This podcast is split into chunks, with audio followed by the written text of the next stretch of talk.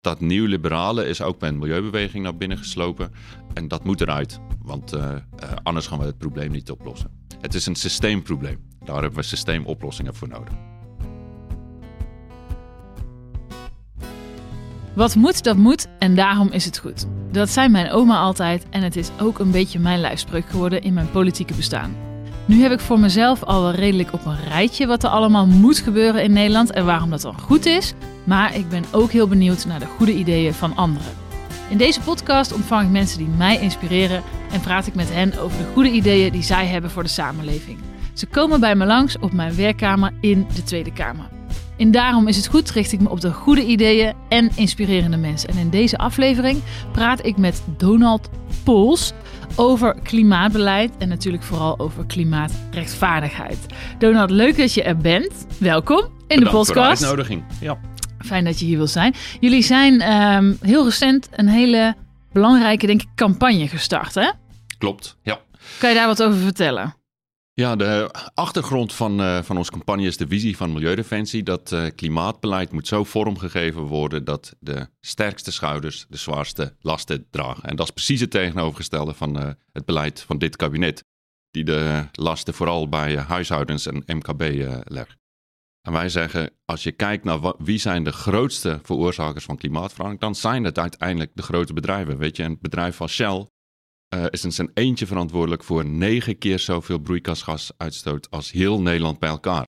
En wij vragen nu die 29 grootste vervuilers in Nederland om uh, een klimaatplan in te leveren. Een lijn met de internationale klimaatafspraken van Parijs en een lijn met uh, de uitspraak van een rechter in de zaak Shell. En dat, uh, dat hebben we per brief aangekondigd. En mensen hebben trouwens ook de mogelijkheid om die campagne te steunen op de website van Milieudefensie. Kijk, kijk, nou, we komen er uitgebreid over te spreken. Ook over de plannen van uh, het kabinet, inderdaad. Ook over de grote vervuilers die het meeste nou ja, verantwoordelijkheid hebben. Ook. En zeker ook over jullie campagne. Maar ik vind het ook wel aardig om van jou te horen. Want hoe lang ben jij nou aan het hoofd van Milieudefensie? Ik ben directeur geworden eind 2015 eindelijk formeel okay, uh, ja. in januari 2016. Ja, en het valt mij wel echt op dat Milieudefensie meer dan ooit misschien wel... Uh, ja, activistisch is. Uh, jij bent zichtbaar natuurlijk. Iedereen kent jou, mocht je jou nog niet kennen na de uitspraak in de zaak met Shell. Maar jullie hebben wel echt ook een nieuwe lijn hè, als milieu. Sorry, dit is geen brandalarm. Dit is een debatwissel in de Tweede Kamer. Um, ja, wij hebben, wij hebben natuurlijk de tijd mee, moet ik uh, bekennen. Dat ligt niet puur aan mij of aan Milieudefensie. Klimaat is uh, hot, zeggen ze. Uh, en terecht. maar wij hebben als Milieudefensie een, een visie in de, op het klimaatprobleem en de samenleving neergezet die echt aanslaat. En daar ben ik heel blij mee. En dat is dat de koppeling van de sociale gevolgen van klimaatbeleid met ambitieus klimaatbeleid. Wij vinden dat, uh, wat ik al zei, je kan niet de, de, gevolgen van het klimaatbeleid neerleggen bij de mensen die eigenlijk het probleem niet hebben veroorzaakt. En dat sluit, sluit heel goed aan bij de, bij de, bij de tijdsgeest. Ja, nou ja, dat, dat zie je volgens mij uh, heel goed. En je ziet ook dat dat werkt, hè? denk ik dat dat verhaal ook, ook aanspreekt. Um, want nou ja, die, die campagne die zijn jullie uh, gestart. Wat is precies, wat, wat hoop je er exact mee te bereiken? Ja, uh, succes is voor ons dat um, uh, de 29 bedrijven die we hebben aangeschreven, dat die zich committeren aan uh, klimaatbeleid in lijn met de internationale klimaatafspraken. En dat is nu nog niet zo. Eigenlijk uh, het klinkt misschien heel gek, maar de grootste vervuilers hebben tot dusver zijn ze de dans ontsprongen wat uh, klimaatbeleid uh, ja, Hoe kan betreft. dat überhaupt? Ja, het past natuurlijk heel erg in het nieuwliberaal beleid van, van de afgelopen drie kabinetten, of misschien zelfs al langer in, in Nederland. Waarin de lasten altijd bij de burger gelegd worden en de voordelen, de lusten altijd bij de aandeelhouders. En wij zeggen, keer dat nou om. Ja. en een klimaatbeleid van een menselijke maat, daar pleiten wij voor. Kan je daar een voorbeeld van geven van hoe die grote vervuilers dus eigenlijk wel altijd de lusten hadden en dus niet de lasten? Ja, misschien is een goed voorbeeld um, uh, de belastingen. De, belasting waarmee de subsidiepot gevuld worden om subsidies uh, voor klimaatbeleid te financieren. Grote, grote vervuilers zoals Shell of Tata Steel, die betalen amper mee aan het vullen van de subsidiepot. Wij hebben laten uitrekenen, of trouwens, dat was het, we kregen alleen de informatie na een, een WOP, een wet openbaarheid bestuur aanzoek, dat kleine ondernemers en huishoudens betalen gemiddeld 30 keer meer energiebelasting dan de grootste vervuilers. En 80% van de subsidie die zou opgehaald worden, die gaan juist naar de grote vervuilers. Ja, dat is niet eerlijk, maar het ergste is, het is ook niet effectief. Nee, het, werkt, het werkt uiteindelijk ook niet, toch? Want dat is ook zo. Uh, Nederland haalde ook de klimaatdoelen al jaren niet. Klopt. Een hele mooie voorbeeld is dat uh, de eerste internationale klimaatakkoord is in 1992 getekend, internationaal. Uh, en in die 30 jaar sindsdien is de uitstoot van de grote bedrijven niet gedaald. Terwijl we weten allemaal dat we helemaal naar nul uh, Niet moeten. gedaald. Niet gedaald. Ja, dat is ook heel anders dan het beeld is, denk ik, hè, bij veel mensen. Want het beeld is toch, ja, we zijn daar nou toch wel serieus mee bezig. En, uh, maar ja, waarschijnlijk wij wel. Maar die grote Precies. vervuilers dus niet. Ja. ja, weet je, de gemiddelde Nederlander die gaat wat vaker met openbaar vervoer, neemt de fiets, eet wat minder vlees, vliegt wat minder. Uh, betaalt netjes zijn energiebelasting. Ja, we dat betaalt wel, wel belasting, ja, dat vooral. Uh, en uh, dan denk je dat iedereen dat zou doen. Maar het, het, is inderdaad helaas niet zo voor de, voor de grootste vervuilers. Nee. Nou heeft Rutte 4 uh, natuurlijk zijn plannen bekendgemaakt. En klimaat ja, staat hoog op de agenda in ieder geval. Er gaat heel veel geld naartoe, naar het zogeheten klimaatfonds. Miljarden. Ja, 35 miljard. 35 miljard om precies te zijn. Het beeld is natuurlijk van, nou, daar zal Milieudefensie wel bij staan te juichen. Ja, als je de eerste, met de eerste oogopslag ziet het er heel goed uit. Een hele ambitieuze doel, 55% of 60%. Uh, dat is, uh, zeg maar, die, die ruimte geven, geeft het kabinet zichzelf. En die enorme uh, bedragen. Bijgezegd, dat is wel over 10 jaar. En dan is het 3,5 per jaar. Maar mooie bedragen. Um, het probleem is, nou wie gaat dat geld en wat moeten ze ervoor uh, terug doen? Um, weet je, als je die klimaatprogramma van uh, dit uh, kabinet leest, dan heb je wel eens het gevoel dat je meer een subsidieprogramma voor multinationals zit te lezen dan dat je een klimaatbeleid. Want klimaatbeleid heeft altijd twee elementen, minimaal twee elementen. Het eerste is dat je moet betalen voor vervuiling, want als je betaalt, ga je uh, minder vervuilen. En dat hoeven die bedrijven niet. Dat is een mooie uit. Uh, ze gaan niet betalen voor de vervuiling. Ja, en of in ieder geval krijgen ze zoveel ja. vrijstellingen dat ze uiteindelijk niks uh, hoeven te betalen.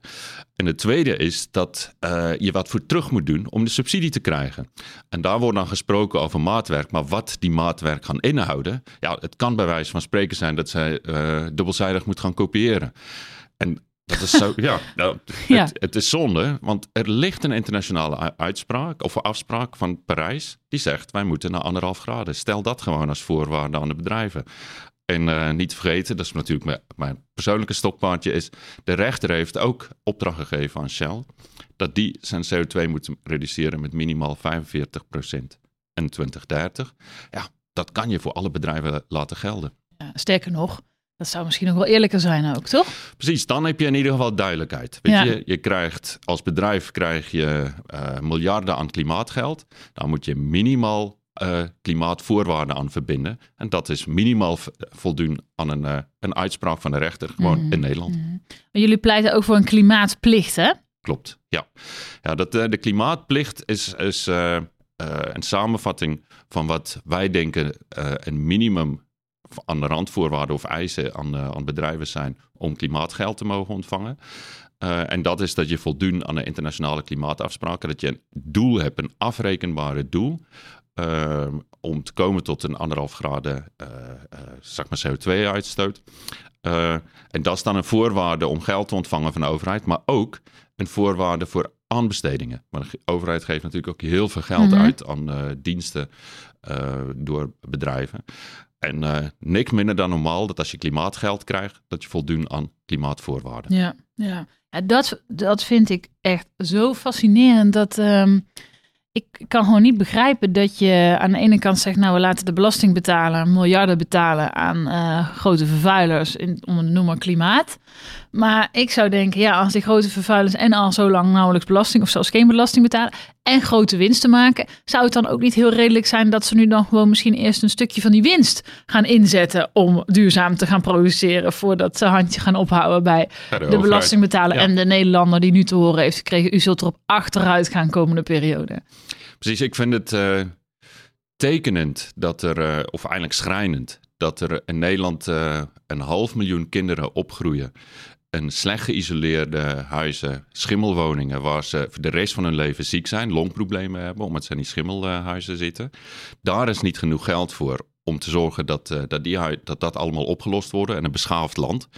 Um, uh, maar er is wel voldoende geld om bedrijven die al geen belasting betalen ook nog te gaan subsidiëren. En uh, als je het over schrijnend hebt, uh, een van de grootste ontvangers van subsidie is natuurlijk Shell. En die kondigt prachtig aan begin van, de, van dit jaar dat ze 7 miljard cadeau gaan doen aan hun aandeelhouders. dat is 7 miljard die ze niet hebben om te investeren in de verduurzaming. Bizar, ja. Dat... Denk je ook niet dat het heel, um, ja, misschien wel funest kan zijn, ook voor het draagvlak onder mensen, wat er volgens mij over het algemeen juist super is om uh, een schone wereld, wie wilde nou geen schonere wereld doorgeven aan, aan zijn of haar kinderen, maar dat het op deze manier mensen denken, ja, dit is gewoon, dit, het is en niet effectief, maar het is ook gewoon oneerlijk. Ja. Ik, ik moet bekennen, ik zeg vaak binnen Milieudefensie, uh, uh, want mensen die bezig zijn met milieu, die worden, maken dingen snel heel complex. Uh, daar hebben jullie wel een handje van, ja. Precies. Daar hebben we voor gestudeerd en dan, uh, dan doen we dat. En dat geldt voor milieuorganisaties, maar ook voor de overheid. En ik zeg altijd, het volk heeft gelijk. Uh, de mensen zeggen, als, je ze, als je ze dat vraagt, wij zijn bereid om ons offer te brengen om een toekomst voor onze kinderen te garanderen. Maar wel op één voorwaarde, en dat is dat de grote vervuilers de eerste stap zetten. Nou, dat is niks minder dan normaal. Ja, dat klinkt eigenlijk heel logisch, Precies. toch? Wat is, jouw verklaring? Eerlijk, maar ook effectief. Ja, wat is jouw verklaring waarom dat dan, uh, ja, ons, beschouw ons dan maar even als bondgenoten in, dan dat dat toch nog zo slecht lukt? Ja, ik, ik denk dat. Dit is, dit is een hele complexe vraag, maar mijn, mijn kijk erop is dat de, de trickle-down-theorie, die zo kenmerkend is van een nieuw-liberaal denken. Mhm. Uh, is eigenlijk doorgedrongen tot het milieuveld. en de trickle-down-theorie is dat uh, als de rijken rijker worden, dan worden armen vanzelf uh, rijker. Nou, dat is aantoonbaar niet waar, want als er één ding is die we weten, is dat geld altijd omhoog beweegt en niet naar beneden. Ja. maar dat idee van dat je, dat je de, de bovenlaag van de samenleving leidend moet maken bij jouw politiek en economie, dat zit ook heel diep in het milieudenken. Dus dan is eigenlijk de visie, als wij nou zorgen de grote bedrijven en de rijke Nederlanders, dat die zonnepanelen hebben en hun huizen geïsoleerd zijn, dat zij gesubsidieerd worden om een Tesla te kunnen kopen, dan komt eigenlijk als vanzelf, komt dat een keer bij de arme Nederlander uit. Nou, dat, dat denk ik zit, er, uh, zit eronder. Ja, en het, wat je zegt, het, aantoonbaar werkt het dus niet. Ik bedoel, dat trickle-down denken is wel echt failliet. Maar ik denk ook dat het zo, um, ja voor, voor het draagvlak voor klimaatbeleid ook zo funest is. Omdat mensen dan zien van, ja, inderdaad, uh, jij zit in een slecht uh, geïsoleerd huis met een uh, giga-energierekening en ik noem maar wat, een Tesla-rijder die krijgt allerlei subsidies ja. toegestrooid. Ja, het is, ik, wij hebben die uitgezocht hoe de, de subsidies verdeeld zijn. En dat blijkt dat als je kijkt naar uh, wie betaalt de subsidies alleen voor huishoudens, dan betalen mensen met een lagere inkomen, die betalen gemiddeld drie tot vier keer zoveel uh, energiebelasting als mensen met een hoger inkomen. En die subsidiepot die daarmee gevuld gaan, daar gaan dan 80% van alle subsidies gaan naar de 20% rijkste Nederlanders. Om inderdaad als subsidie voor een, uh, voor een dure Tesla of je huis te isoleren. En wij zeggen is prima. Je moet weet je, heel graag de Tesla subsidiëren. Heel graag mensen subsidiëren om een huis uh, te isoleren. Maar doe dat voor iedereen. Ja, ja en uh, terecht denk ik ook andersom. toch? Volgens mij moet 80% van het geld niet bij de 20 rijkste terechtkomen. Maar keer dat om. Dat is toch ook nog, denk ik, uiteindelijk veel effectiever. Precies, als je dan nu kan je ongeveer 4000 eh, euro subsidie krijgen om een elektrische auto te kopen. Zeg dat is gewoon een duurzaam mobiliteitssubsidie. Daar heeft iedereen recht op. En of je nou een Tesla mee koopt, of om het je besluit om een eh, OV-jaarkaart uh, te kopen, is, is aan jou. Of gewoon een mooie fiets. Ja. En dan heb je geld over. Jij noemt nou OV. Het gaat eigenlijk maar weinig over openbaar vervoer. Hè? Überhaupt merk ik in de politieke discussie We zitten hier in mijn werkkamer in de Tweede Kamer. Dan hangen hier nog een aantal uh, politieke affiches die uh, gingen over verdwijnen van buslijnen en het privatiseren van ons spoor en zo. Maar het is eigenlijk helemaal geen issue meer in de politiek. Klopt, en dat is zonde. Ja. Eigenlijk is dat tekenend, want alle maatregelen waar mensen aan de onderkant en de mensen met een modale inkomen beter van zou worden, dat, dat heeft geen politiek draagvlak. En dat, dat sluit onder andere in subsidie voor, voor meer toegankelijke en goedkopere openbaar vervoer. En dat, dat hoeft echt niet de regel te zijn. Dat heeft Oostenrijk heeft het nu recent laten zien. Daar kan je voor 300 euro koop je een jaarkaart. en dat iedereen mag hem kopen. En daarmee heb je onbeperkt vrij reizen en een OV voor de hele jaar lang. Nou, het kan gewoon. Oostenrijk is echt niet een of ander achterlijk land. Nee, nee inderdaad. Nee, ja, ik denk dat het juist het tegenovergestelde is. Dat openbaar het gaat er in de politiek nauwelijks over, maar wat je ervan ziet is, het, het, het, wordt natuurlijk alleen maar duurder. Het reizen met de trein, eh, buslijnen verdwijnen. Voor heel veel mensen die niet in de Randstad wonen is het openbaar vervoer bijna geen serieus alternatief meer. Ja, een OV in Nederland is een van de duurste OV-systemen uh, uh, in heel Europa. Dat geloof ik wel, ja. Ja, ja. Ook nog een wereld te winnen dus. Precies. Nou is onderdeel van de podcast... Dat is van mijn werk. Ja, ja. Trouwens ook van jouw werk. nou, daar, kunnen we elkaar een hand geven. Ook al mag dat, uh, mag dat nu niet. Maar uh, waar, waar haal je eigenlijk jouw inspiratie vandaan? Nou, je toch gezegd over uitdagingen in het werk. Ja, ik ben... Um, ik ben natuurlijk, uh, dat, dat horen de luisteraars misschien, ik heb een uh, lichte accent. Soms is die. Uh, de goede luisteraar is dat misschien opgevallen. Ja, ja. ik ben geboren in Zuid-Afrika. Ik ben opgegroeid op een natuurreservaat. wat voor een Nederlander een natuurreservaat is. Voor mijn opa was dat gewoon zijn runderboerderij. Um, en met een enorme liefde voor, voor de natuur.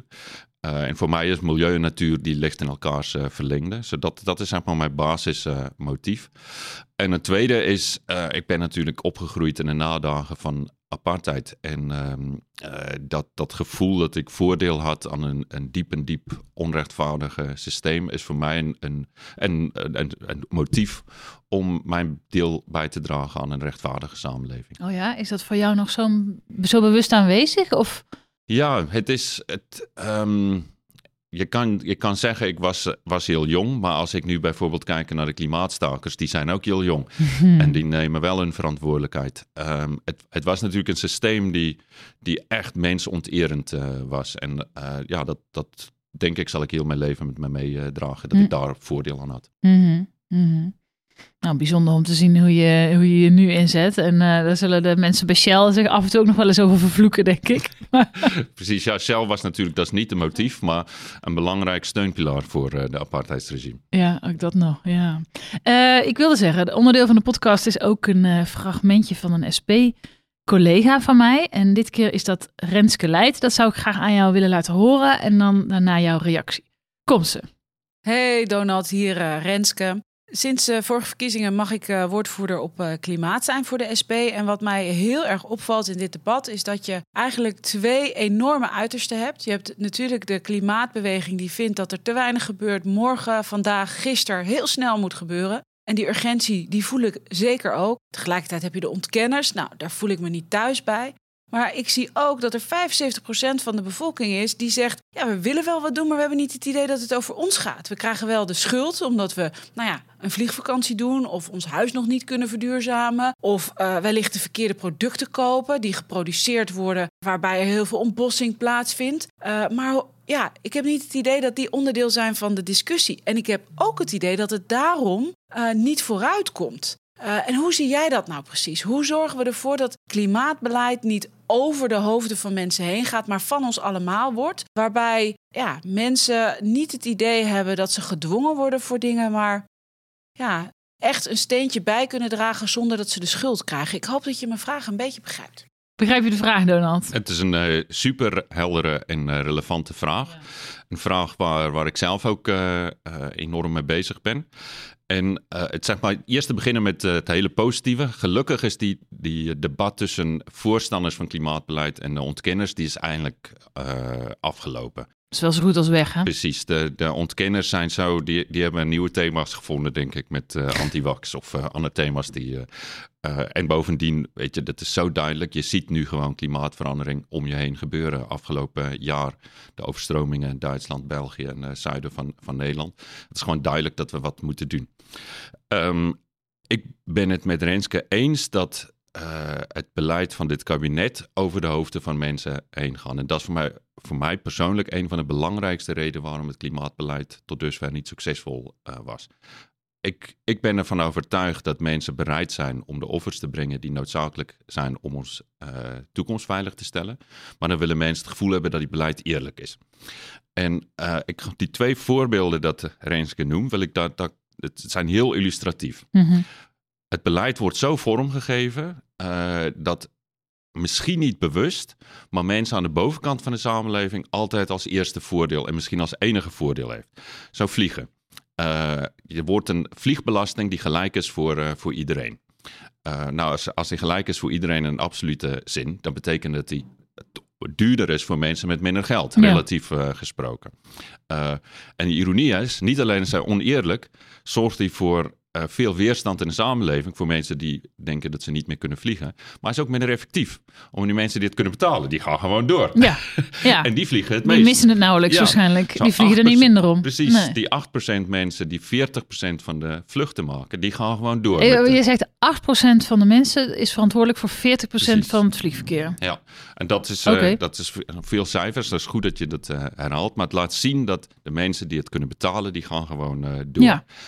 Wij zeggen, doe een veelvliegersbelasting. Zo, iedere keer dat je vliegt per jaar of in de jaar, betaal je een hogere belasting. Zo, de eerste keer is die, ik noem maar wat, 10%, de tweede keer 20%, de derde keer 30%. En op die manier zorg je dat de mensen die het meeste vliegen ook minder gaan vliegen, waardoor de uitstoot uh, daalt. Mm -hmm. En uh, die gezin die een jaar of twee jaar lang spaart om dat ene keer naar Griekenland of Turkije te vliegen voor de vakantie waar ze helemaal krom voor liggen. Die, worden, die, die krijgen nog de ruimte om door te gaan met uh, zeg maar een ene vakantie. Dat is de ene voorbeeld. Juist. Um, en wat heel mooi is, is als je, dat, als je die rechtvaardigheidsbril opzet, dat er totaal nieuwe oplossingen komen, zoals deze. Want dit, dit denk ik hoor je niet zomaar in de Tweede Kamer. Um, wel, wel van ons, maar van helaas ja, nog ja. veel te weinig verder. Dat, dat klopt, ja. En het tweede is die huisisolatie. Er is nu een, een huisisolatieprogramma van de, van de afgelopen kabinet, maar overgenomen door deze. En dan krijg, uh, krijg je, als je wil, krijg je 2000 euro uh, subsidie om je huis te isoleren. Nou klinkt het heel mooi, 2000. Maar de gemiddelde kosten om je huis te isoleren is, begint bij rond de 10.000 euro. Als je die 10.000 euro niet uh, hebt, dan krijg je dus ook niet die 2000 euro subsidie. En als je 10.000 euro kan betalen om je huis te isoleren, dan heb je het ook gedaan zonder die subsidie. Dus het is gewoon een cadeautje voor de mensen die het toch al kunnen uh, betalen. Daarom zeggen wij, gaan dan, geef je beleid zo vorm dat je zegt van wij gaan ervoor zorgen dat de 500.000 huizen die slecht geïsoleerd zijn van mensen met een lager inkomen, begin je daarbij. Dat is de verantwoordelijkheid van de overheid dat het geïsoleerd worden en niet van de burger. Denk jij ook niet dat dit, uh, ook, ook, dat laatste punt, ontzettend te maken heeft met de kijk, je politieke kijk op de wereld? Je noemde net al even natuurlijk een aantal neoliberale kabinetten achter de rug. We hebben weer een nieuwe wat mij betreft. Maar het, het klimaatbeleid is natuurlijk ook heel individualistisch gemaakt. Dus je moet zelf inderdaad maar de afweging maken of je je huis gaat isoleren of dat je een lening neemt om een warmtepomp aan te schaffen. Terwijl je toch ook zou kunnen redeneren, nou dit is zo'n gigantische opgave voor de toekomstige generaties. Het is juist iets wat je samen moet doen. Dus ook iets waar je samen de schouders onder zet. Het financiële deel van de sterkste schouders, de zwaarste last, maar ook gewoon de aanpak. Dus niet die gedachte van ieder huishouden voor zichzelf moet maar een afweging gaan maken van ga ik mijn huis isoleren of een warmtepomp aanleggen. Zo hebben we toch ook nooit de riolering aangelegd. Dat was er ook ooit met een collectief ja. idee van het is goed voor de gemeenschap, het is goed voor de hygiëne, voor de volksgezondheid. Dus ja, ging je toch ook niet huishouden ja. voor huishouden besluiten van god doet u wel of niet mee met de riolering? Zeker, ja dat, dat is inderdaad de, de, de uitwerking van het uh, neoliberale visie is uh, individualisme. Iedereen uh, voor zich en de mensen die dat kunnen, die, die voelen zich daar heel senang bij. Maar als je aan de onderkant zit en niet de ruimte hebt om je verantwoordelijkheid te nemen en aanhalingstekens, is, dat een, is dat heel moeilijk. Ja. Um, en ja, weet je, het, niemand, geen individu is verantwoordelijk voor klimaatverandering. En dus mag je eigenlijk ook niet mensen daarvoor verantwoordelijk houden. En ik vind het, niet alleen is het niet effectief, uh, want als je de middelen niet hebt, dan kom je niet in actie. Maar het is ook diep en diep onrechtvaardig als je van mensen verwacht om de kosten te dragen van klimaatbeleid. Uh, want dat betekent dat mensen die het goed hebben, die financieel in de slappe was uh, zitten, die kunnen dus ook de maatregelen nemen die noodzakelijk zijn om uh, klimaatverandering te voorkomen of hun deel te doen. Uh, maar als je aan de onderkant zit, dan heb je het niet alleen niet goed, maar je bent ook fout. Je doet het ook Je nog verkeerd. Je maakt ook nog eens de verkeerde keuzes. Ja. Want je kan niet drie keer zoveel betalen voor biologisch eten. En je isoleert je huis niet. En je zet de zonnepanelen niet op je huis. Want je hebt dan geen geld. En dat, dat, dat, dat is een trap na voor mensen aan de onderkant. En het versterkt eh, de kloof in de samenleving. En ironisch genoeg ondermijnt het op die manier ook de, de draagvlak voor klimaatbeleid. Want laten we wel wezen, het probleem is zo groot. Het lukt alleen als we het samen doen. En als je dan wantrouwen organiseert, dan organiseert je je eigen falen. Mhm. Hoe kijk jij dan met eh, terugwerkende kracht en de kennis van nu terug op bijvoorbeeld eh, die campagnes die we allemaal nog kennen van een beter milieu begint bij jezelf? Ja, eh, daar krijg ik, eh, krijg ik rode vlekken van als je als lu- luisteraar dit kon, eh, kon zien. Omdat het is, het, het, het is illustratief voor een, een, gewoon een falend klimaatbeleid. En het ergste is, het zit nog steeds door. Want toen heette Ja, het een beter milieu begint bij jezelf. Nu heet het iedereen doet wat. Dat Ja, is echt het- de website Maar van zo de is overheid. klimaatbeleid natuurlijk al twintig jaar lang neergezet, hè, Donald. Op Ja. deze manier. En dat is, dit is ook de reden waarom Nederland op bijna alle duurzaamheidslijstjes altijd onderaan bungelt. Om uiteindelijk ging de aandeelhoudersbelangen toch voorop. En eh, eh, dat is in een geïndividualiseerde samenleving, eh, is dat zo vertaald ook. Hoe denk je dat we dat, kunnen, dat denken kunnen keren? Want dat is echt dus niet iets van vandaag op morgen. Dat is, wat ik zeg, dat is al twintig jaar lang ingeramd in onze samenleving. Ja, ik denk dat het begint met. Eh, en dat is. ehm, ik wil mensen niet eh, eh, het, het moeilijker maken dan het is. Maar het is ook. Ik, vertrouw, ik geloof echt in, in het diepst van mijn wezen. Ik heb geschiedenis gestudeerd. En als je kijkt naar de geschiedenis van de menselijke beschaving. dan is, woord, is, is de resultaat van onze beschaving is het adresseren van grote problemen. Zo, ieder groot probleem heeft ervoor gezorgd dat wij als samenleving een stapje voorwaarts gezet hebben. Dat gaan wij ook met klimaatverandering doen. Maar het begint bij het gevoel van dat wij lotsverbonden zijn met elkaar. Dat, we niet, dat het niet iedereen voor zich is. Dat Mhm. wij een samenleving zijn waarin we samen ons collectieve problemen gaan adresseren. Dat je je beleid ook op die manier vorm gaan geven. Wanneer je niet tegen de ene persoon zegt van eh, duw je auto weg en neem de fiets. En de enige consequentie is dat de buurman zijn tweede hummer voor de deur eh, kan zetten waar je auto vroeger eh, stond. Ja. Maar dat je samen zorgt dat wij eh, toegankelijke OV hebben. Dat wij warme, gezonde huizen hebben voor iedereen in de samenleving. Niet alleen de mensen die het kunnen betalen. En zorgen dat ons boeren gezond en duurzaam eten kunnen produceren. En daar ook een markt voor is. Mhm. Nou, ik vind het mooi dat je dat zegt. En eh, ik ben ook wel benieuwd hoe jij kijkt naar. eh, ik vind namelijk, als, als nou ja, van, van de SP, dat wij misschien zelf ook wel te lang, of, of überhaupt linkse partijen, eh, te veel nog meegegaan zijn in dat beeld. En daardoor, eh, denk ik, een hoop ja, eh, draagvlak misschien ook wel hebben verspeeld. Maar ik ben benieuwd of jij ook vindt dat dat misschien ook wel voor. Kijk, de milieubeweging is een beetje hetzelfde algemene onzinterm als links. Weet je wel. Je kunt, ik snap dat je daar heel weinig mee kunt. Maar ik denk dat je ook wel een beetje snapt wat ik bedoel, toch? Nou, ik, ik, ik vind. Hebben jullie Zelf- zelf, eh, niet zozeer jij, maar Nee, jullie dat- ook niet misschien te lang juist dat, dat verhaal verteld. In plaats van dit verhaal wat jij nou vertelt. Zeker, zeker. En ik, je merkt ook de kentering in de, in de milieubeweging. Maar het is zeker zo dat de maatregelen die ik net als voorbeeld gaf, bijvoorbeeld het Nationale Isolatiefonds, wat, dat rijke mensen subsidieert om een huis te isoleren. Trouwens, niet eens subsidieert om een huis te isoleren, daar waren ze toch al van plan. Ja. Het is gewoon een cadeautje. Ja. Maar dat type beleid, die Ja. kwam vaak uit de koker van de milieubeweging. Die miljarden aan subsidie voor plug-in hybrids, dat zeg maar eh, elektrische auto's, maar die ook nog een beetje op eh, brandstof eh, kon rijden. Die zijn voor miljarden gesubsidieerd, was, terwijl zij amper elektrisch reden. Komt ook van de, de milieubeweging. Dat, dat, dat nieuw-liberale is ook bij een milieubeweging naar binnen Mhm. geslopen.